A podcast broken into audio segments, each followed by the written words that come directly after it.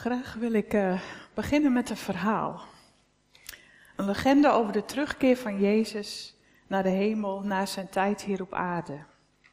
Hij keerde terug met de tekenen van zijn lijden en zijn aardse missie in zijn lichaam. De, de, de, de nagels die door zijn armen en voeten waren gegaan, zijn handen en voeten. En de engel Gabriel die ging naar Jezus toe en hij zei, Meester, u moet toch wel vreselijk geleden hebben voor de mensen daar beneden. Ja, dat heb ik ook, zei Jezus. En ging Gabriel verder, weten ze nu allemaal hoeveel u van hen houdt en wat u voor hen gedaan hebt? Oh nee, zei Jezus, nu nog niet. Nu weet nog maar een handjevol mensen in Israël het. Gabriel was verbijsterd. Wat heeft u dan gedaan om ervoor te zorgen dat alle mensen uw liefde leren kennen? Ik heb Petrus, Jacobus en Johannes en nog een paar discipelen uh, gevraagd de mensen over mij te vertellen. En de mensen die het horen, die vertellen het dan weer aan anderen. En zo zal uiteindelijk het evangelie over de hele wereld verspreiden en zullen alle mensen uiteindelijk horen hoeveel ik van hen houd. Gabriel fronste zijn wenkbrauwen en keek bedenkelijk, want hij wist dat mensen niet betrouwbaar zijn. Ja, zei hij, stel nu dat Petrus en Jacobus en Johannes er geen zin meer in hebben. Of dat de mensen die na hen komen uh, er geen tijd meer voor hebben. Stel nou dat de mensen die in de 20ste of in 21ste eeuw leven vergeten zijn wat u voor hen hebt gedaan. Ik heb geen andere plannen gemaakt, zei Jezus, want ik reken op hen. En dat is natuurlijk maar een verhaal, maar ik ben, denk altijd in beelden en plaatjes en ik heb zoiets van, misschien zou het zo ook nog wel gegaan kunnen zijn. Maar los daarvan, Jezus die heeft wel de verkondiging van het evangelie aan ons toevertrouwd. We kennen die bekende tekst uit Matthäus 28, waar staat, vlak voordat Jezus naar de hemel teruggaat en hij zegt, mij is gegeven alle macht in hemel en op aarde en ga dus op weg en maak alle volken tot mijn leerlingen. En dat hoeven we gelukkig niet alleen te doen, want we hebben de Heilige Geest gekregen. En Jezus heeft zelf ook gezegd, van zie, ik ben met u. Tot aan het einde, totdat hij weer terugkomt. Dus hij is bij ons. Na de afgelopen weken hebben jullie verschillende preken gehoord over, over bidden. En uh, naar ik begrepen heb, hebben jullie vorige week ook een hele mooie dienst gehad. Met heel interactief, ook met de kinderen erbij. Daar heb ik heel veel mooie verhalen over gehoord. En vandaag ja, uh, wil ik iets meer gaan vertellen over bidden voor je dorp. En uh, het is ook wel mooi hè, dat we volgende week gaan beginnen met de cursus luisterend bidden. Dus het bidden, daar zijn we nog niet over uitgeleerd. Maar ik wil uh, met jullie twee verhalen gaan lezen uit het Oude Testament. Uit Jeremia en Nehemia. En jullie zullen misschien wat geschiedenisles van mij krijgen vanmorgen. Maar nou, ik hoop dat jullie het interessant vinden en dat het jullie ook helpt om te begrijpen wat, nou, wat we van hun kunnen leren voor nu. En we beginnen met Jeremia 29, vers 1 tot 7. En daar lezen we, hier volgt de brief die de profeet Jeremia vanuit Jeruzalem heeft gestuurd aan de overgebleven oudsten onder de ballingen, aan de priesters, de profeten en alle anderen die Nebukadnezar vanuit Jeruzalem naar Babel had gevoerd. Hij schreef deze brief toen koning Jegonja, de koninginmoeder, de hovelingen, de leiders van Jeruzalem en Juda en de smeden en wapenmakers al uit Jeruzalem waren weggevoerd. Hij liet hem bezorgen door Elasa, de zoon van Safan, en Gemaria, de zoon van Gilkia, de gezanten die namens koning Zedekia van Juda naar koning Nebukadnezar in Babel reisden. En de brief had de volgende inhoud. Dit zegt de Heer van de hemelse machten, de God van Israël, tegen de ballingen die hij vanuit Jeruzalem naar Babel heeft laten voeren. Bouw huizen en ga daarin wonen. Leg tuinen aan en eet van de opbrengst. Ga huwelijken aan en verwek zonen en dochters. Zoek vrouwen voor je zonen en huw je dochters uit, zodat zij zonen en dochters baren. En jullie moeten in aantal toenemen, niet afnemen. En bid tot de Heer voor de stad waarheen ik jullie weggevoerd heb. En zet je in voor haar bloei. Want de bloei van de stad is ook jullie bloei. Om de betekenis van die woorden van, uh, Nehemia, van Jeremia en Nehemia goed te kunnen begrijpen, neem ik jullie mee naar lang geleden. Als het goed is, hebben jullie waarschijnlijk heel vroeger wel eens wat bijbelse geschiedenis gehad. En, uh, maar heel veel vergeet je dan ook wel weer zo door de tijd heen. Maar uh, het volk Israël werd op een gegeven moment opgedeeld in twee rijken. Het tienstammenrijk en het tweestammenrijk, wat we ook wel Juda noemden. En het tienstammenrijk heette Israël. En Juda, het tweestammenrijk, daar was Jeruzalem nog de hoofdstad van. En we kunnen lezen in de Bijbel continu dat zinnetje. En de koning deed wat slecht was in de ogen van God. En de koningen die weken helemaal af van het pad dat God hen gewezen had. En het volk, ja, dat ging ook hen achterna en ze dienden andere afgoden. En God had al gewaarschuwd, als jullie niet terugkomen bij mij, bij mijn hart en mij aanbidden, en jullie blijven maar andere afgoden nagaan, ja, dan, dan gaan jullie in ballingschap. Dan stuur ik jullie weg. En dat is wat er gebeurt.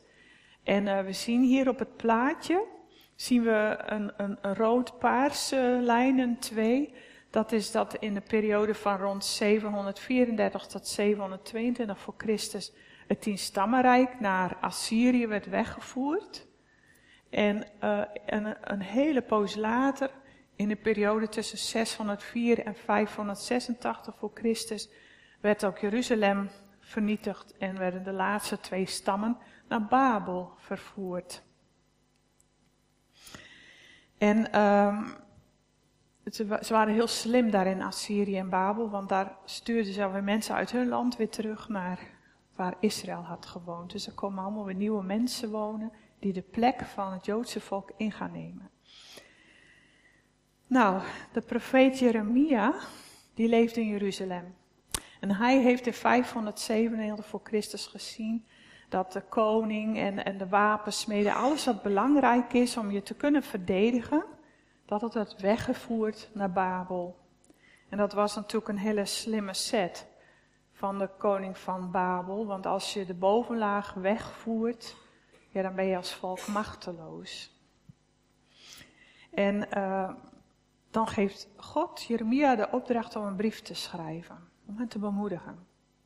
En Jeremia kennen we 29, kennen we vooral van de tekst van uh, Jeremia 29 vers 11. He, dat uh, daar staat dat ik heb het goede met je voor, uh, niet het slechte. Die beroemde tekst. Maar wij lezen wat eraan vooraf is geschreven.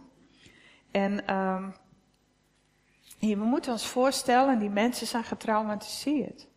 Ze zijn ontheemd, ze zijn uit hun land weggehaald, er is oorlog geweest, er zijn heel veel mensen ook dood gegaan.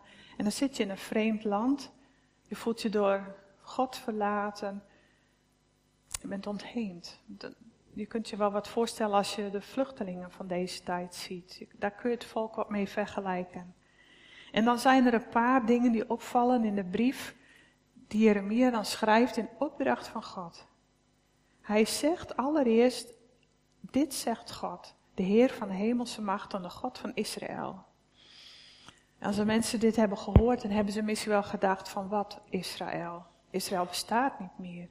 Maar God zegt nog steeds, ik ben de God van Israël, ik ben jullie trouw, ik heb een verbond met jullie gesloten.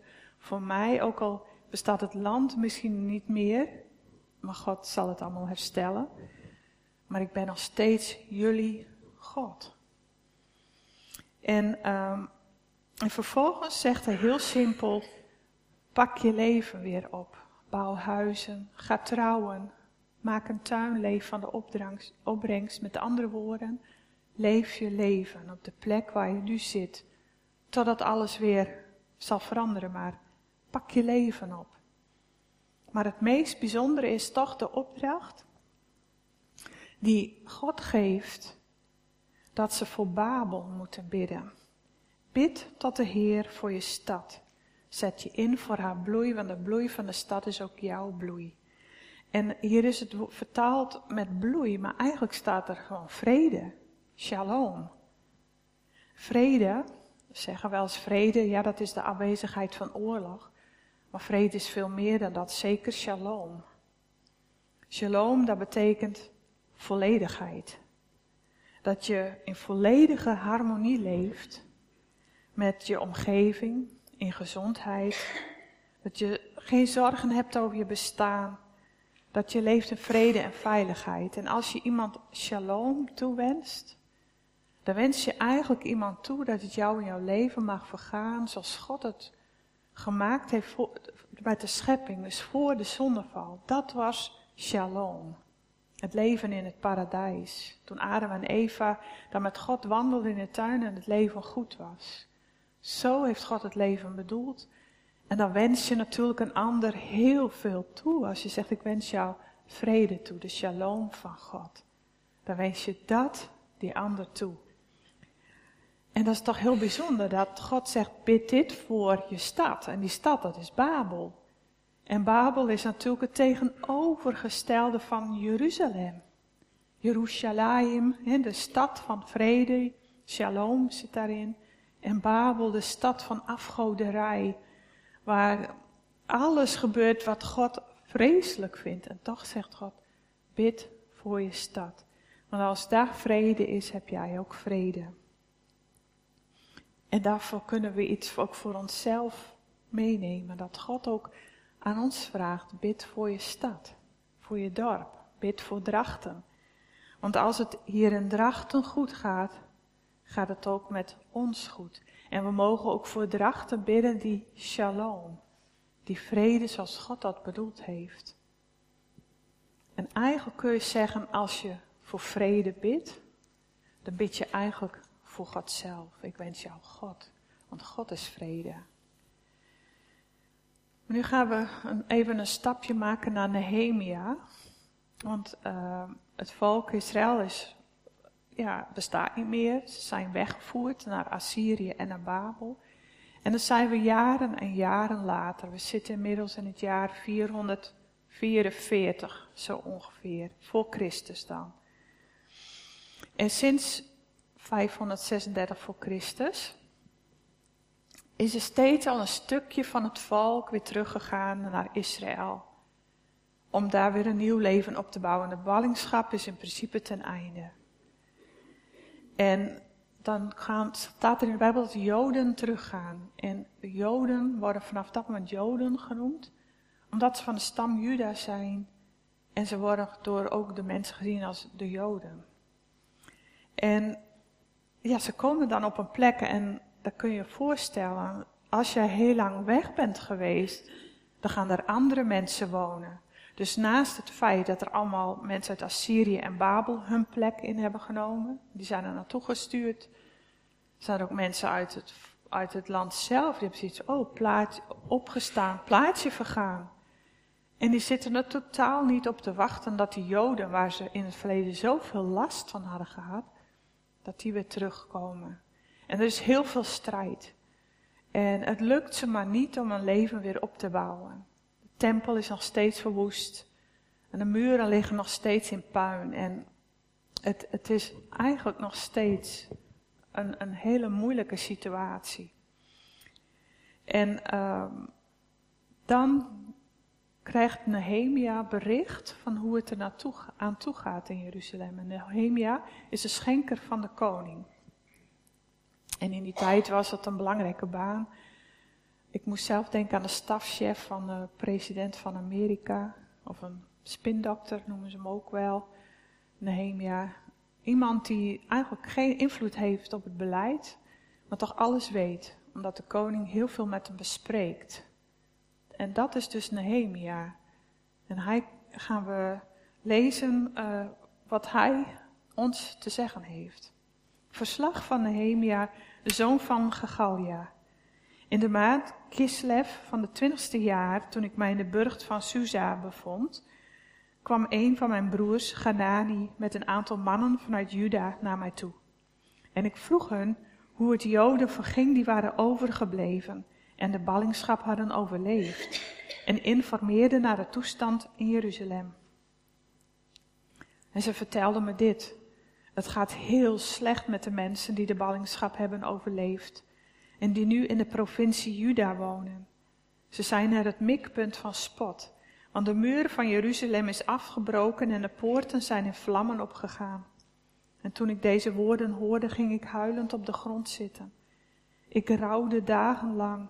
Ik vastte en riep de God van de hemel aan en ik bad, ach Heer, God van de hemel, machtig en onzagwekkende God, u die uw beloften nakomt en trouw bent aan ieder die u lief heeft en doet wat u gebiedt. Luister aandachtig en zie hoe uw dienaar dag en nacht tot u bidt, ten behoeve van uw dienaren, de Israëlieten. Ik beleid de zonden die wij Israëlieten tegenover u hebben begaan, ook ik en mijn familie. We hebben u veel kwaad gedaan. We hebben ons niet gehouden aan de geboden, de voorschriften en de rechtsregels die u aan Mozes, uw dienaar, hebt gegeven. Denk toch aan wat u Mozes hebt voorgehouden. Als jullie ontrouw zijn, zal ik je onder alle volken verstrooien. Hier zegt God dus al iets over de ballingschap. Maar als jullie naar mij terugkeren en je houden aan mijn geboden en die naleven, zal ik jullie, ook al zouden jullie verbannen zijn naar het einde van de hemel, terughalen en bijeenbrengen op de plaats die ik heb uitgekozen om er mijn naam te laten wonen. En de Israëlieten zijn uw dienaren, ze zijn uw volk. U hebt hen door uw grote macht en met uw sterke hand bevrijd. Ach, mijn Heer, luister toch aandachtig naar het gebed van uw dienaar en naar dat van al uw dienaren die uw naam willen eerbiedigen. Laat me vandaag toch slagen en laat de koning mij welgezind zijn. In die tijd was ik schenker aan het hof van de koning. Diep in zijn hart was Nehemia een echte Jood, ook al was hij niet geboren en opgegroeid in Israël. Maar als hij dan hoort van die belabberde situatie waar het volk, zijn volk, zich in bevindt, ze zijn het mikpunt van, van spot. En als hij hoort hoe de stad eraan toe is, de muren zijn kapot, de poorten zijn verbrand, ja, dan is het totaal in shock. Zonder muren en poorten is een stad weerloos. Van puur verdriet gaat Nehemia ook huilend op de grond zitten. Hij rouwt en hij vast en hij bidt tot God. En dit is wat hij bidt. Hij begint eerst met te zeggen wie God is. Hij maakt God groot. Hij aanbidt hem. Terwijl het dus heel zwaar voor hem is, maar hij aanbidt hem. Hij maakt God groot. En hij zegt ook, Heer, u komt altijd uw belofte na. U bent trouw. En vervolgens dan beleidt hij zijn zonden. Dat van zichzelf en van zijn voorgeslacht.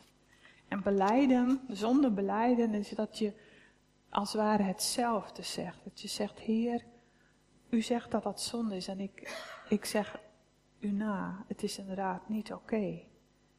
En daarna wijst hij God op zijn beloften. Als je bekeert, dan breng ik je weer terug naar de plek waar je hoort. En ten vierde, dan zegt hij, want hij moet zelf ook aan de slag. En hij vraagt of God hem wil zegenen in alles dan wat hij moet doen. God wilt u laten zien wat ik moet doen en wilt u dat dan zegenen. Nu komen we het praktische deel. We hebben een stukje geschiedenisles gehad. We hebben gehoord hoe het met Jeremia en Nehemia ging. Maar wat kunnen wij daar nu mee? Ten eerste, dat zal wel duidelijk zijn, maar dat God wil dat wij bidden voor de stad waar wij wonen. Want God wil dat alle mensen behouden worden. Hij wil dat niemand verloren gaat. jullie kennen waarschijnlijk allemaal wel die beroemde tekst, dat is Johannes 3, vers 16. Want al zo lief heeft God de wereld gehad, dat hij zijn enige geboren zoon gegeven heeft, opdat een ieder die in hem gelooft niet verloren gaat, maar eeuwig leven hebben. Maar het vers daarna is misschien nog wel zo belangrijk. Want daar staat dat God heeft zijn zoon niet naar de wereld gestuurd om een oordeel over haar te vellen, maar om haar te redden. Door hem. God wil dat alle mensen gered worden, dat alle mensen zijn liefde leren kennen. En hij wil ons daarvoor inzetten. En gebed is het machtigste wapen dat wij daarvoor hebben. Harry die begon de dienst vanmorgen al met het gedeelte uit 1 Timotheus 2. Waarin Paulus ook ons oproept, bid voor de mensen om je heen. Voor je koningen, voor de gezagsdragers, voor alle mensen. En opnieuw staat daar weer, want God wil dat alle mensen gered worden.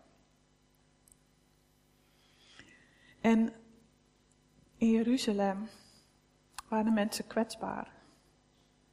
Want hun muren waren kapot en de poorten waren verbrand. En hun, zo, zo kon de vijand in en uitlopen. En de vijand, de tegenstanders daar, deden er ook alles aan om het zo te houden. Want ze wisten wel, als dat Joodse volk zich weer herenigt en die muren staan er weer en die tempel is weer herbouwd, ja, dan kunnen wij daar niet meer binnenkomen. Dan zijn we onze plek kwijt. En ze hebben heel lang hard gewerkt om dat tegen te houden. Totdat mensen op gingen staan, zoals Nehemia, maar ook Ezra, boek hiervoor. Zij gingen opstaan en bidden tot God. En wat voor Jeruzalem geldt, geldt ook voor ons. In onze tijd leven ook heel veel mensen bij God vandaan, misschien wel ook in een soort, soort ballingschap, een soort verwarring, verstrooiing. Vroeger was Nederland een christelijk land, maar dat kun je eigenlijk niet meer zeggen. Steeds meer mensen laten de kerk in de steek en er zijn ook heel veel mensen die uh, zeggen, ja, of ik, of ik geloof nog wel, maar ik heb de kerk niet meer nodig. Of ze zeggen ook, ja, ik, ik geloof eigenlijk niet meer. Of ze geloven in alles. Maar veel mensen zijn heel kwetsbaar. Heel veel mensen worstelen met hun identiteit. En wanneer je niet meer weet wie je echt bent, dan word je kwetsbaar. Want jouw tempel, de plek waar jij jouw identiteit vindt en wie je bent, die is kapot. En de muren en de poorten zijn voor heel veel mensen kapot.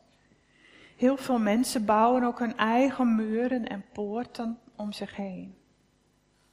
Ze trekken zich terug achter de muren van afwijzing, van pijn, van verdriet. Van de muur van ik laat me door niemand meer raken. Steeds meer huwelijken gaan kapot. Steeds meer mensen lopen vast in hun leven. De wachtlijsten voor de GGZ en andere hulpverleningen, dat loopt allemaal op. En zeker bij onze jongeren. Steeds meer hulp nodig. En net als toen in Jeruzalem doet de vijand eraan. Alles aan om dat zo te houden. En die vijand, ja, dat is in ons geval Satan. Want hij wil absoluut niet dat mensen hun identiteit weer vinden bij in God. Dat ze weer ontdekken, er is een God die van hen houdt. Hoe, ze ook, hoe hun leven ook uitziet en wat ze ook hebben gedaan, maar er is een God die van je houdt. Dat je identiteit vindt in Hem. Dat als het ware jouw tempel weer wordt herbouwd. En dat, dat je leert kennen dat God jouw muur is. Die muren van pijn dat je, en, en verdriet en afwijzing, dat mag je allemaal afbreken. Want God wil ons schild zijn. Een muur waar wij achter mogen verschuilen. En Jezus is onze poort. Hij zegt, ik ben de deur, waardoor de schapen naar binnen kunnen gaan. En je ziet om je heen dat de muren nog neerliggen. En dat de Satan in en uitloopt in de levens van mensen, in en uitloopt ook in ons dorp. Met alle ellende van dien. En ik geloof dat wij geroepen zijn om te bidden, net als Nehemia, voor onze omgeving. Te bidden dat de tempel weer hersteld wordt van ieder mens, maar ook van de identiteit van ons dorp, zeg maar, van Drachten, van Nederland. Dat de muren en poorten weer hersteld mogen worden. En allemaal bedoel ik dat in geestelijke zin. Dat de mensen weer mogen herstellen. Dat ziekte, een echtscheiding, een eenzaamheid, verwaarlozing, misbruik, verslaving, depressie, dood. Noem maar op, waarvan wij nu zeggen, ja, het hoort bij het leven. Maar dat we zeggen, ja, maar dat hoort niet bij het leven zoals God het bedoeld heeft. We mogen bidden voor vrede, voor de shalom. Voor dat we gaan bidden voor dat wat God bij de schepping voor ons bedoeld heeft. Dat we ons daar naar uitstrekken. Wat Jezus ons heeft teruggegeven aan het kruis. En wij als christen, wij kennen die boodschap. En wij mogen opstaan en bidden voor onze omgeving, omdat we ook die autoriteit hebben gekregen door de opstanding van Jezus. Onze plek is geestelijk gezien naast Jezus in de hemel en van daaruit mogen wij regeren. En het begint ermee dat we net als Nehemia in het stof gaan zitten en dat we gaan huilen om de toestand die wij waarnemen om ons heen. Het begint ermee dat ons hart gebroken wordt voor dat wat Gods hart breekt. Dat we van ons dorp en onze buurtgenoten en de mensen in onze straat, die we misschien niet eens kennen, dat we daarvan gaan houden. Zoals God van hen houdt. Want God ziet al die pijn. Hij ziet al die pijn en verdriet achter de voordeuren. Hij ziet de gebrokenheid van mensen die wij niet kunnen zien. Aan de buitenkant kan een leven er perfect uitzien. Maar van binnen. En God ziet dat. En de vraag is, willen we ons nog laten raken door het leed om ons heen? Of zijn we inmiddels cynisch geworden, afgestompt of hebben we zelf muren om ons heen gebouwd, omdat we zelf al zoveel hebben meegemaakt. Dat we ongoddelijke muren hebben gebouwd, waardoor een ander mij niet meer kan raken, maar waardoor ik zelf ook gevangen ben geraakt. En we mogen God bidden en vragen, Heer, breek mijn hart voorzichtig voor wat uw hart breekt. En breek ook de ongoddelijke muren die, die ik misschien in mijn eigen leven heb gebouwd, breek ze af. En laat mij zien, Heer, met uw ogen wat u ziet. Laat mij zien wat er speelt in mijn straat, in mijn dorp, op mijn werk, in mijn familie, uh, op de sportvereniging waar ik zit, op school waar ik naartoe ga. En dan kan het gebeuren dat de Heilige Geest je zo raakt, dat, dat, je, dat God dat laat, zo laat zien dat het je zo raakt, en dat je Gods compassie en liefde gaat voelen. Dat je weet, het is niet van mezelf, maar nu voel ik Gods liefde en Gods compassie. En dat je dan in één keer zomaar spontaan kunt gaan huilen. Om het verdriet wat, wat God jou laat zien. En dan kunnen we bidden, net als Nehemia. En zo zou je dat kunnen doen. Neem je stille tijd en dat kun je doen alleen, je kunt het ook in een groep doen. Maar vertel God wie Hij is voor jou. Machtige Heer, u bent zo liefdevol, u bent de schepper van hemel en aarde, u bent zo groot. Aanbid Hem en eer Hem met woorden die in jouw hart opkomen. En beleid daarna jouw zonde en ook die van jouw voorgeslacht. De zonde van je dorp. Waar God je hart op gaat plaatsvervangend zonden beleiden. En wijs dan God op de beloften die jij weet in de Bijbel. Maar Heer, dit is wat er staat in de Bijbel. En zoals de situatie nu is, dat, dat is niet zoals u het bedoeld heeft. U heeft het zo bedoeld. En vraag dan concreet, Heer, wat kan ik nu gaan doen? Ik moet de mouwen ook, handen ook uit de mouwen steken. En wilt u me daarin zegenen? En je kunt het, wat ik zei, alleen doen, ook in een gebedsgroep. Je zou ook een gebedswandeling kunnen maken. Op internet is er heel veel over te vinden en achter op de tafels heb ik ook wat informatie neergelegd over een gebedswandeling. En uh, je kunt het ook doen aan de hand van een kaart van Drachten. ik heb begrepen dat jullie vorige week hier ook al een kaart hadden hangen van Drachten met briefjes erop. Maar dat je, dat je bijvoorbeeld een groep bij elkaar roept van nou we gaan de komende maand voor Drachten bidden. En we verdelen Drachten in stukjes. En ieder gaat voor dat stukje bidden. En dat kan iedereen doen, jong en oud. En dan ga je God bidden voor alle bedrijven die er in zo'n gebied zitten. De scholen, ziekenhuizen, dat er is. Alles, wie er maar woont en wat er maar is.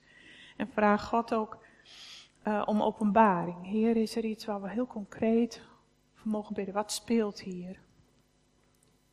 En ik geloof ook dat ons gebed ook de geestelijke wereld in beweging brengt. Ik geloof namelijk dat er een geestelijke wereld bestaat. Een bovennatuurlijke wereld die wij niet kunnen zien, maar die wel invloed heeft op ons leven. En uh, dat je soms ook te maken krijgt, als, als je gaat bidden voor je dorp, dat er ook geestelijke uh, machten in beweging komen die daar niet zo heel erg blij mee zijn. En ik geloof ook dat er machten en krachten zijn die invloed hebben op een plek.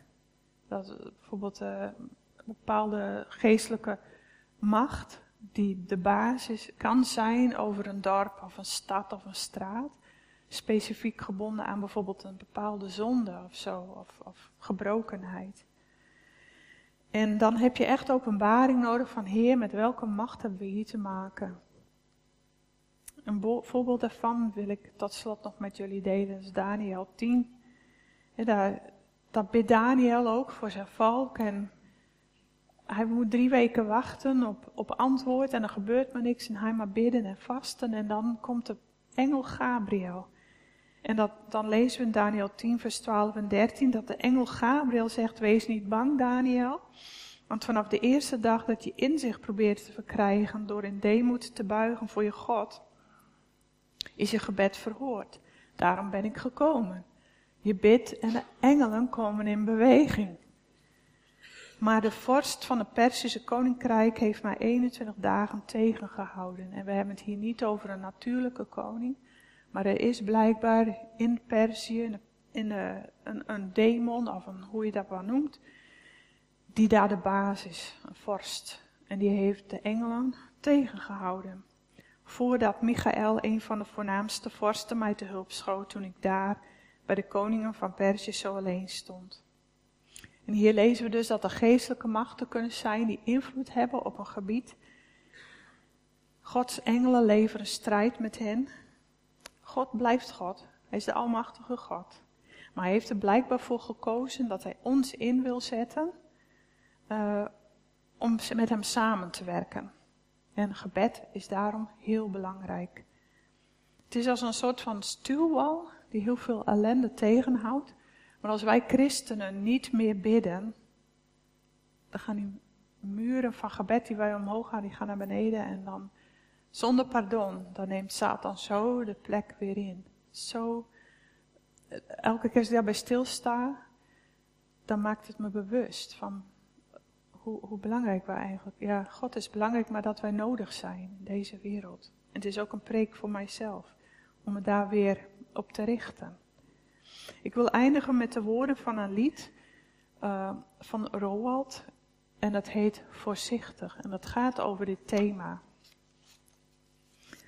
En hij zingt met zijn band.